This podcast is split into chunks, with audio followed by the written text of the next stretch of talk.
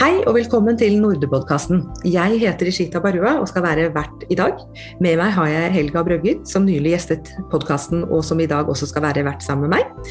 Helga er seniorrådgiver i Helsetilsynet og leder av Norsk forening for radiologi og tidligere overlege ved OUS. Hei, Helga. Hei, takk for at jeg får komme. Dagens podkastepisode skal handle om utvikling av ansvarlig og pålitelig AI. I regjeringens nasjonale strategi for eh, kunstig intelligens, som kom ut i januar 2020, er det lagt stor vekt på at Norge, som jo er kjennetegnet av at vi har høy tillit til hverandre og til statlige og private virksomheter, også skal ha som mål å opprettholde og forsterke denne tilliten, samtidig som kunstig intelligens skal tas i bruk på nye og innovative måter. Vi har med oss en utenlandsk ekspert som forsker på nettopp dette feltet. Han heter Roberto Zicari. Welcome, Roberto. Thank you so much for joining us today. Thank you, Ishita, and thank you, Helga, for having me here. So, Roberto is, a, is an affiliate professor at uh, Yrkeshögskolan Arcada in Helsinki, Finland, and an adjunct professor at Seoul National University. So, Roberto has a strong scientific background in computer science with practical experience in enterprise strategy and marketing, and he has consulted and lectured in Europe, the US, and Japan. Roberto, you are a leading um, you you are leading a multidisciplinary team of international researchers who have come up with a way to assess trustworthy AI in practice. First of all, uh, can you please explain to us what trustworthy AI really is and why we need to focus on this? Yeah, I'm happy to do that. I think the best way to uh, describe it is to ask a question if you are having a visit to a medical doctor for any reason, and the medical doctor all of a sudden uh, uses a, a new tool that is AI based, how would you react to that? So, would you trust that the tool has been checked by somebody and is actually useful? Or how would you basically handle this? So this idea is is not a new idea. Now, when new technology are introduced, somebody has to make an assessment to what extent they are beneficial. Do they uh, do they have benefits, or is any risk of uh, negative? So, and this is really something that with artificial intelligence is quite unique because most of the time even the implementer of artificial intelligence cannot really tell you how the system works. So you can think like a black box. And this black box might actually give you a prediction of a disease, or it could basically help somebody to decide whether you could get the loan in the bank. So trustworthy AI is really, as the word said, trust. It's not ethical AI, it's not legal AI. It's really the, the keywords is trust. And I'm happy to um, give you more information, but maybe you have some more questions at that point. Thank you. I think that it's just good that our listeners uh, have a clear concept of what trustworthy AI is. Uh, and thank you for that explanation. I agree with you. Uh, I also know that you, of course, you and your team, uh, you have developed a framework called the Z inspection, which is a process on how to uh, assess trustworthy AI. Uh, I was just wondering, how did you and your team develop this method, and and how has it been used so far? I like the question because, um, especially in Europe, uh, there's a lot of discussion at the level of policy making in trying to give guidelines. You know, how you basically define if an AI system is beneficial or what are the risks. And there are a lot of guidelines. There are also international guidelines, not only in Europe. And these are really on paper. You know, you have even checklists and say, you know, check on that. But when it comes to really use it in the practical way, there, there's been very little work. So that's why three years ago, we observed that Europe was leading this idea of kind of regulating AI because that's really where it comes. And this trustworthy AI is an attempt to combine three parts the technical robustness, the legal one, and the ethical one. And since I'm an engineer, so I'm not pretending to be an expert in ethics, but it's interesting to bring together a number of experts that come from different disciplines. And I mean from philosophy to policymaker to domain experts, in, in our case, healthcare, to engineers, and bring them together. They have different way of speaking, and but they also have a different way of looking at things. And this is really the interesting part. And it could be done in two ways. It could be done in what we call co-design. So you involve the engineers early on, if they allow you to do that. So you bring all these stakeholders, and normally you normally don't have a philosopher um, involved with the design of an AI system in, in, in normal. Or if the system is already being deployed, like we have a K in a couple of cases, you, you help them to assess and give recommendation. So basically, that's the idea. That, uh, and, and the idea is we have a framework that so-called high-level expert group of the European Commission have developed, which is based on ethical principle. And then they come up with seven very specific requirements that are a way where you can try to operationalize the, the whole thing. But again, it's on paper. You have a checklist, you know, you have a, a number of questions, but that's not what we do. We are not really doing a static checklist. We are bringing together a team of people that are analyzing together with the engineers the system. Try to understand the expectation try to understand what are the actors what are the boundary. The boundary is very important because you you never really assess only the software. You look at the processes the people you might end up actually assessing the entire institution and may, actually may might have a side effect that was not really need uh, necessarily asked for because if you put for example a system deploy in a hospital then you start looking at who is using it why they're using it do they use it together with some other tools and how the decisions are made now that you have a tool involved and I'm happy to tell you something more about a couple of cases that we've done if you're interested. But I stop here for maybe for the next question. Thank you, Roberto. Uh, such a good um, way of telling the way the Z inspection process starts. Uh, but I'm curious, uh, you have tested or assessed several products that are tailored for the healthcare sector. Is there a reason why you have, is there a conscious choice to engage with this sector and not, for instance, education or water plants or the energy sector? Oh, I like this question, Helga, because we actually, I have, I have, to mention that we are not a company, neither an association. So we're kind of a unique initiative. So we are a, a number of, let's say, researchers, and some are even professional. They actually all work pro bono and, and with the idea of publishing best practices. And what happened is that as things happen in life, I didn't want to start with the clear objective. So I wanted to have it like a flow. And what happened is that uh, I'm normally I'm spending, you know, two to three months in California every year. And I end up actually three and a half years ago talking to somebody that I knew that just started a startup in, in AI in healthcare. They had a, dev- a device for predicting cardiovascular disease. And that's how we started. When we started, we were very small. There was, a, there was not even the clear definition of the trustworthy AI framework. And we realized a, a very important lesson. Number one, that a small group of people cannot really do it because you really need a lot of expertise of different disciplines. So we had to bring uh, experts of different kinds. And also, we learned a lot that by working with the company, you end up having immediately a problem with the intellectual property. So, and, and then intellectual property is really a block to any transparent assessment because either you sign a non disclosure and then you can really disclose, or you don't sign a, a, an NDA, a non-disclosure, and then you have to treat the uh, the system like a black box.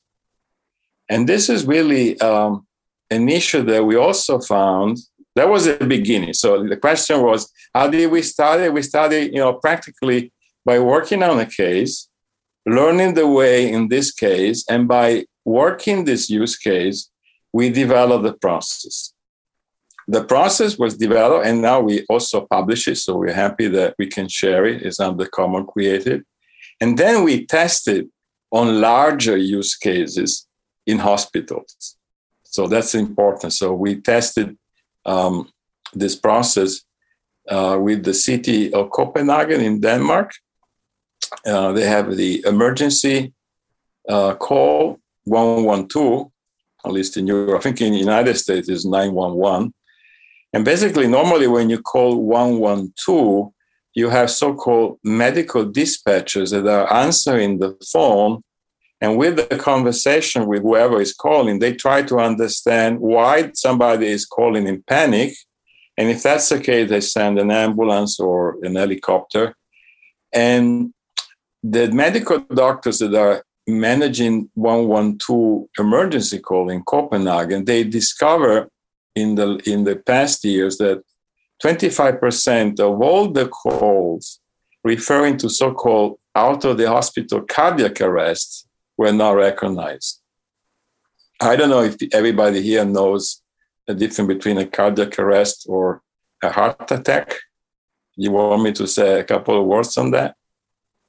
Uh, yes, Roberto, uh, uh, but uh, maybe we should just sort of go with a sort of broader view of how the process benefits the implementation of AI, if that's okay with you, because it's a really, really interesting use case.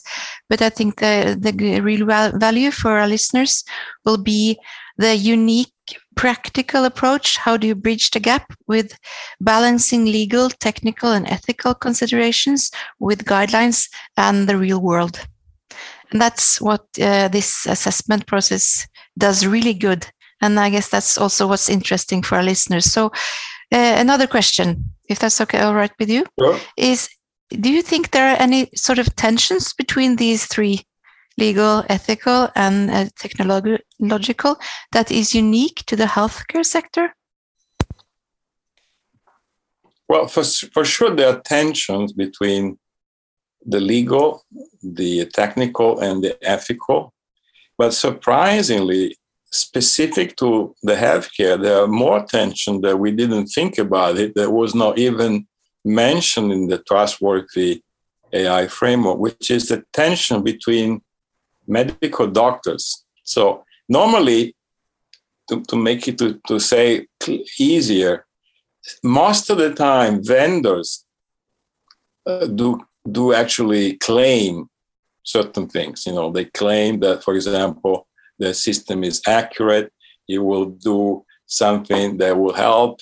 Uh, that the data is protected. Um, that um, a lot, all kinds of claims, and these claims in other uh, with other technology, like for example, nuclear technology or biotech, you need to verify those claims with evidence. So you, you kind of build up an evidence. And of course, the definition of what is an evidence is already an important ethical issue because you might say, well, ethically, an evidence is something that can be proven. So, for example, it could be uh, a scientific um, publication that has been peer reviewed and is actually supporting certain evidence. For example, that by looking at a particular color of the skin, you can detect certain kinds of, of cancer or something like that. Or if a certain different kind of skin might have different um, issues when you try to detect skin cancer.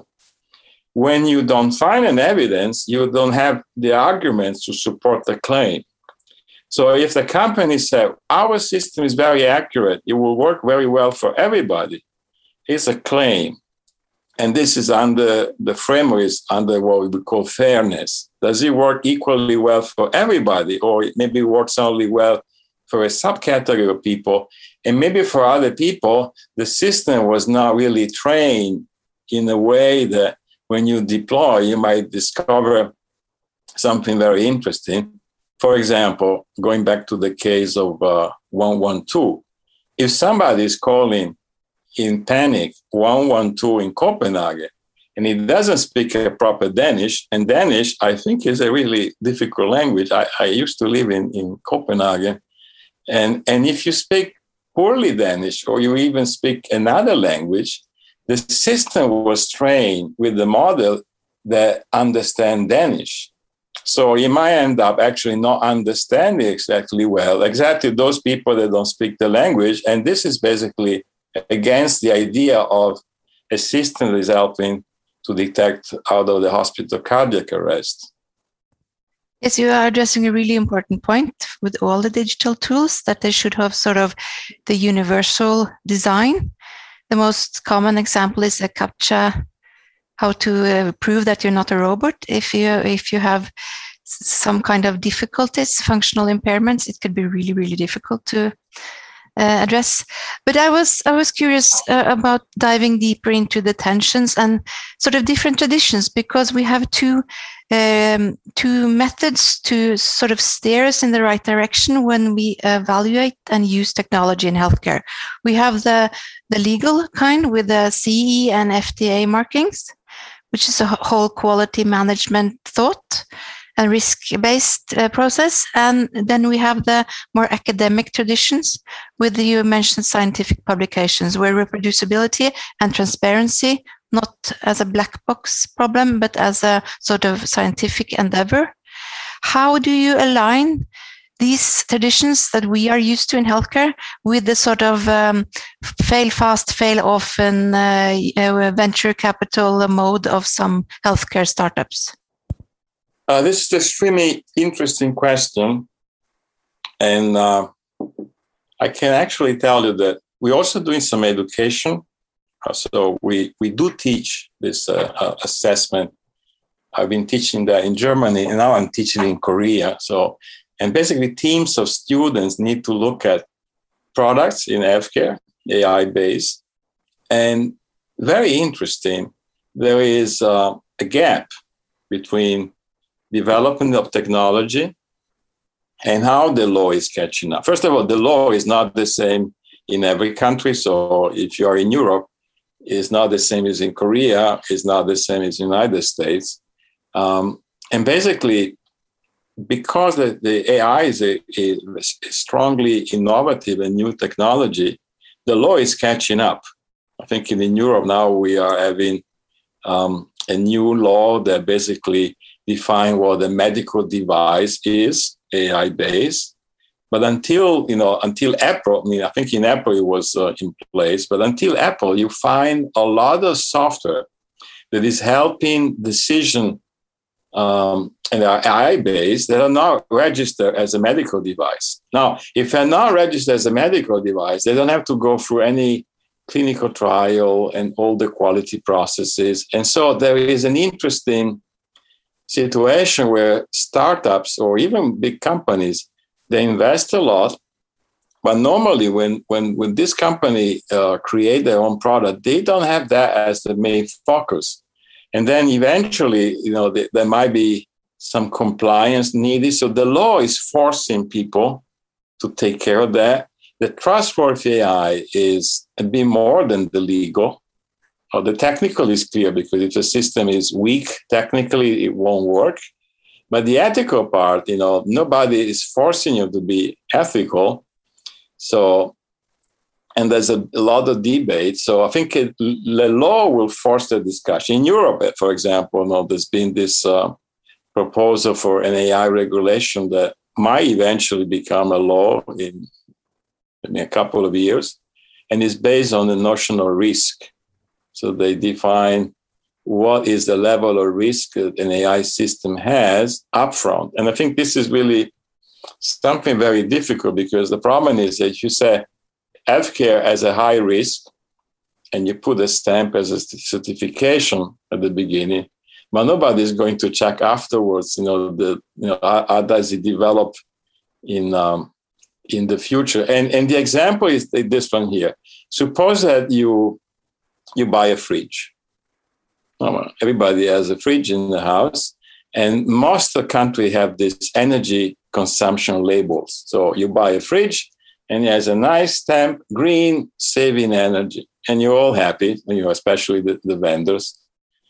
But nobody's going to your home to check your fridge after three months or after one year, whether it's still consuming energy. So nobody has thought about it that when you do a certification of a fridge, somebody should come and inspect your fridge every, let's say, two years.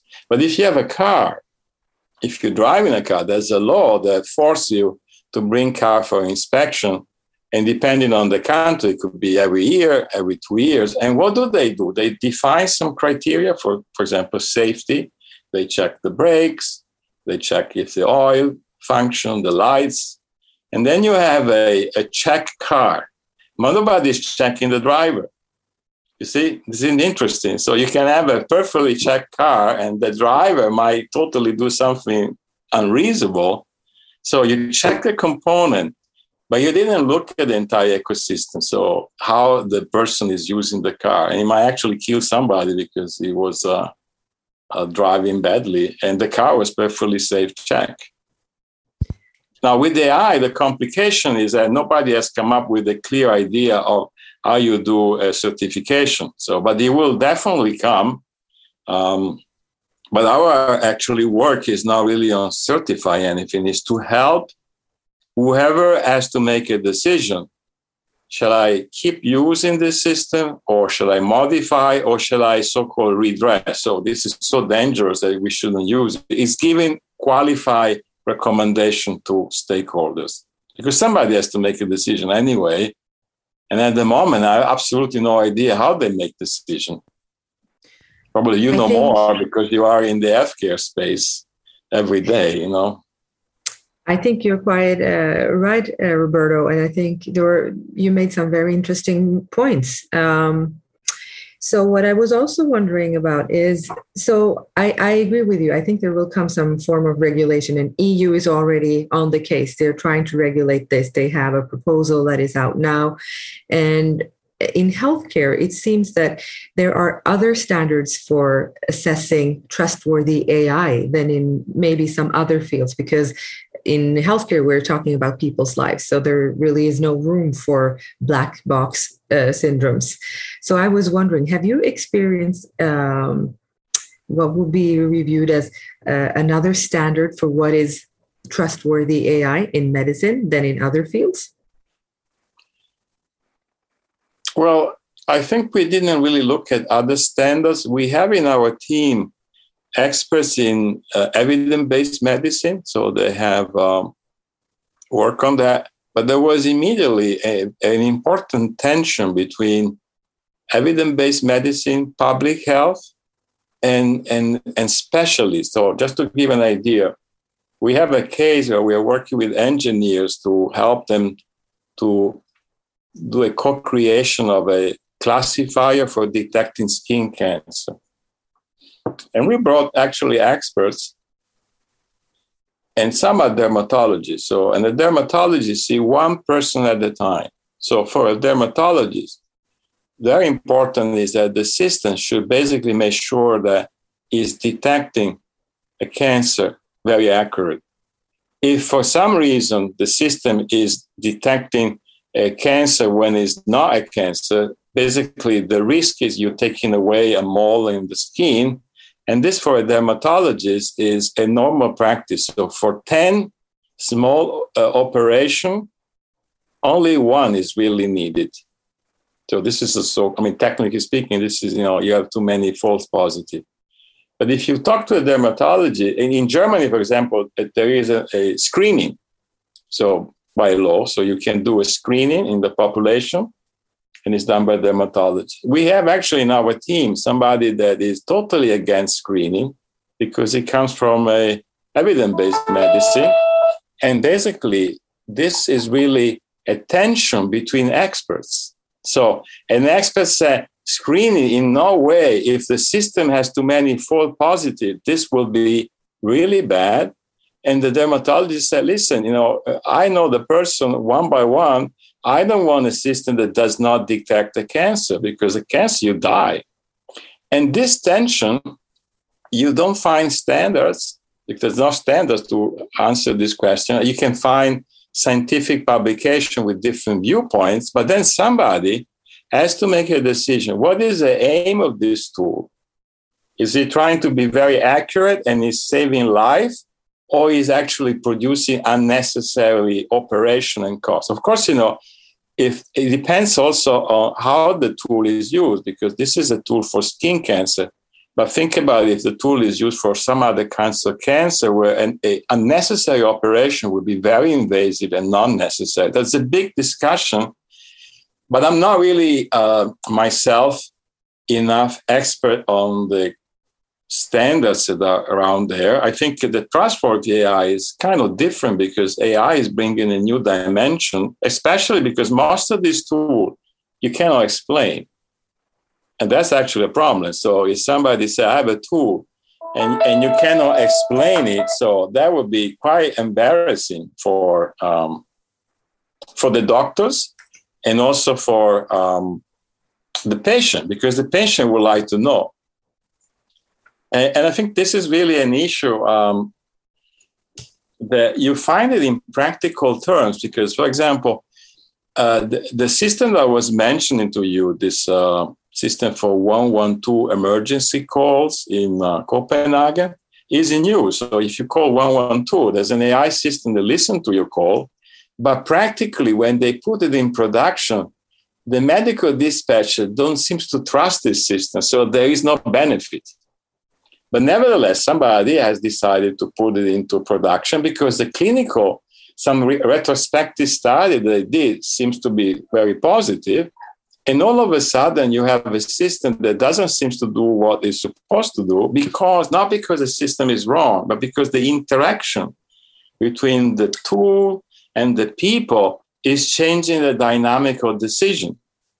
And I yes, think I this agree. is a general problem in every time you have a, a, a, software that you cannot explain, but is influencing the decision, then you might have bias of people that you might trust too much, you don't trust, alert fatigue, or all kinds of. Uh, and this is really one of the things that is in the trust for AI is called human agency and oversight, meaning how does the AI influence decision making when now the decision is also involving a software that you cannot really say why it works, but it does, which is a very general problem. So it's not only for um, healthcare, but in healthcare, as, as Elgar said, is very important. You really are talking about people, you know. You know Roberto, you have such uh, good perceptive uh, perspectives on um, um, sort of uh, stresses unique to the healthcare sector when implementing AI. And I have just uh, have time for one more question. Um, it's a high risk business, the healthcare sector in of of itself. It's also high risk to implement AI, and the Z inspection group and the assessments process is a really good way to sort of mature the field in a in a good way. Do you have any sort of final advi- advices or thing you have noticed in these three years that you could share to the through the broader group? Sort of per- pearls and pitfalls to round up this discussion with. Well, that's really a very complex question. So because it's an open question, um, my advice would be to uh, look at the process we have done and maybe try best practices. So, in other words, if a hospital, for example, in Oslo has uh, decided to use an AI, or maybe is already using it, maybe do an assessment. So, of course, we'll be very happy to cooperate, but nevertheless, the idea of also educational is to educate more people so that you can bring your own stakeholders in house, because at the moment, as I said, there's no law that forces you to do it, but at least you can publish best practices. For sure, in in in uh, in uh, healthcare, it's probably possible. It's more difficult in other domains where intellectual property is blocking you. I think, for example, if you if you think of a domain like financial sectors, banks, it would be extremely difficult that you will be able to do an assessment and be able to publish transparent the whole thing. So this is really a challenge because um, we, we have in our advisory board also somebody that is from industry, but when he's from industry, then there's a, a completely different thing. I think the public sector, and healthcare is very important, has a great opportunity to set guidelines. And I hope that this is our tiny contribution for the greater good. So that's basically the idea. Yes. Uh, thank you so much, Roberto. Uh, I think we should maybe end uh, our uh, this episode of uh, our Norde uh, podcast on that note. Um, thank you so much for enlightening us on trustworthy AI, Roberto, and thank you, Helga, for co-hosting with me. Um, tusen takk til våre lyttere, og ikke minst takk til Dataforeningen for at de støtter oss med denne podkasten. Vi er tilbake snarlig med flere podkastepisoder. Takk for oss.